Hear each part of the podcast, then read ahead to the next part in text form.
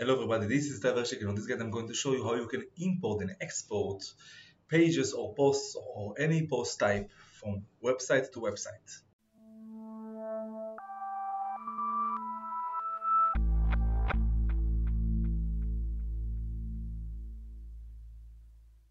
Okay, so let's say that I want to export all these pages from one website to another and also the posts or the products so what I need to do is just to go on tools on the dashboard on WordPress and you can see that you have an export option right here.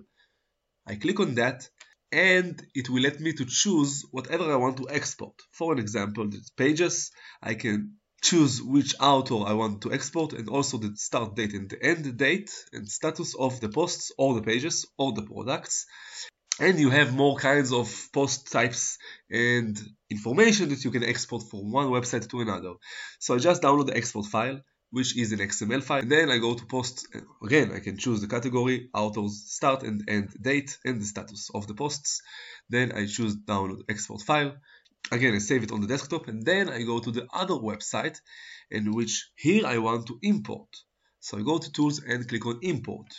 Now here I have to activate and install the WordPress importer. Right here I can run the importer which is a plugin and just drag the file right here and upload and import it. You can choose to assign it to any of the author of that website and also you can assign it to a new user if you want.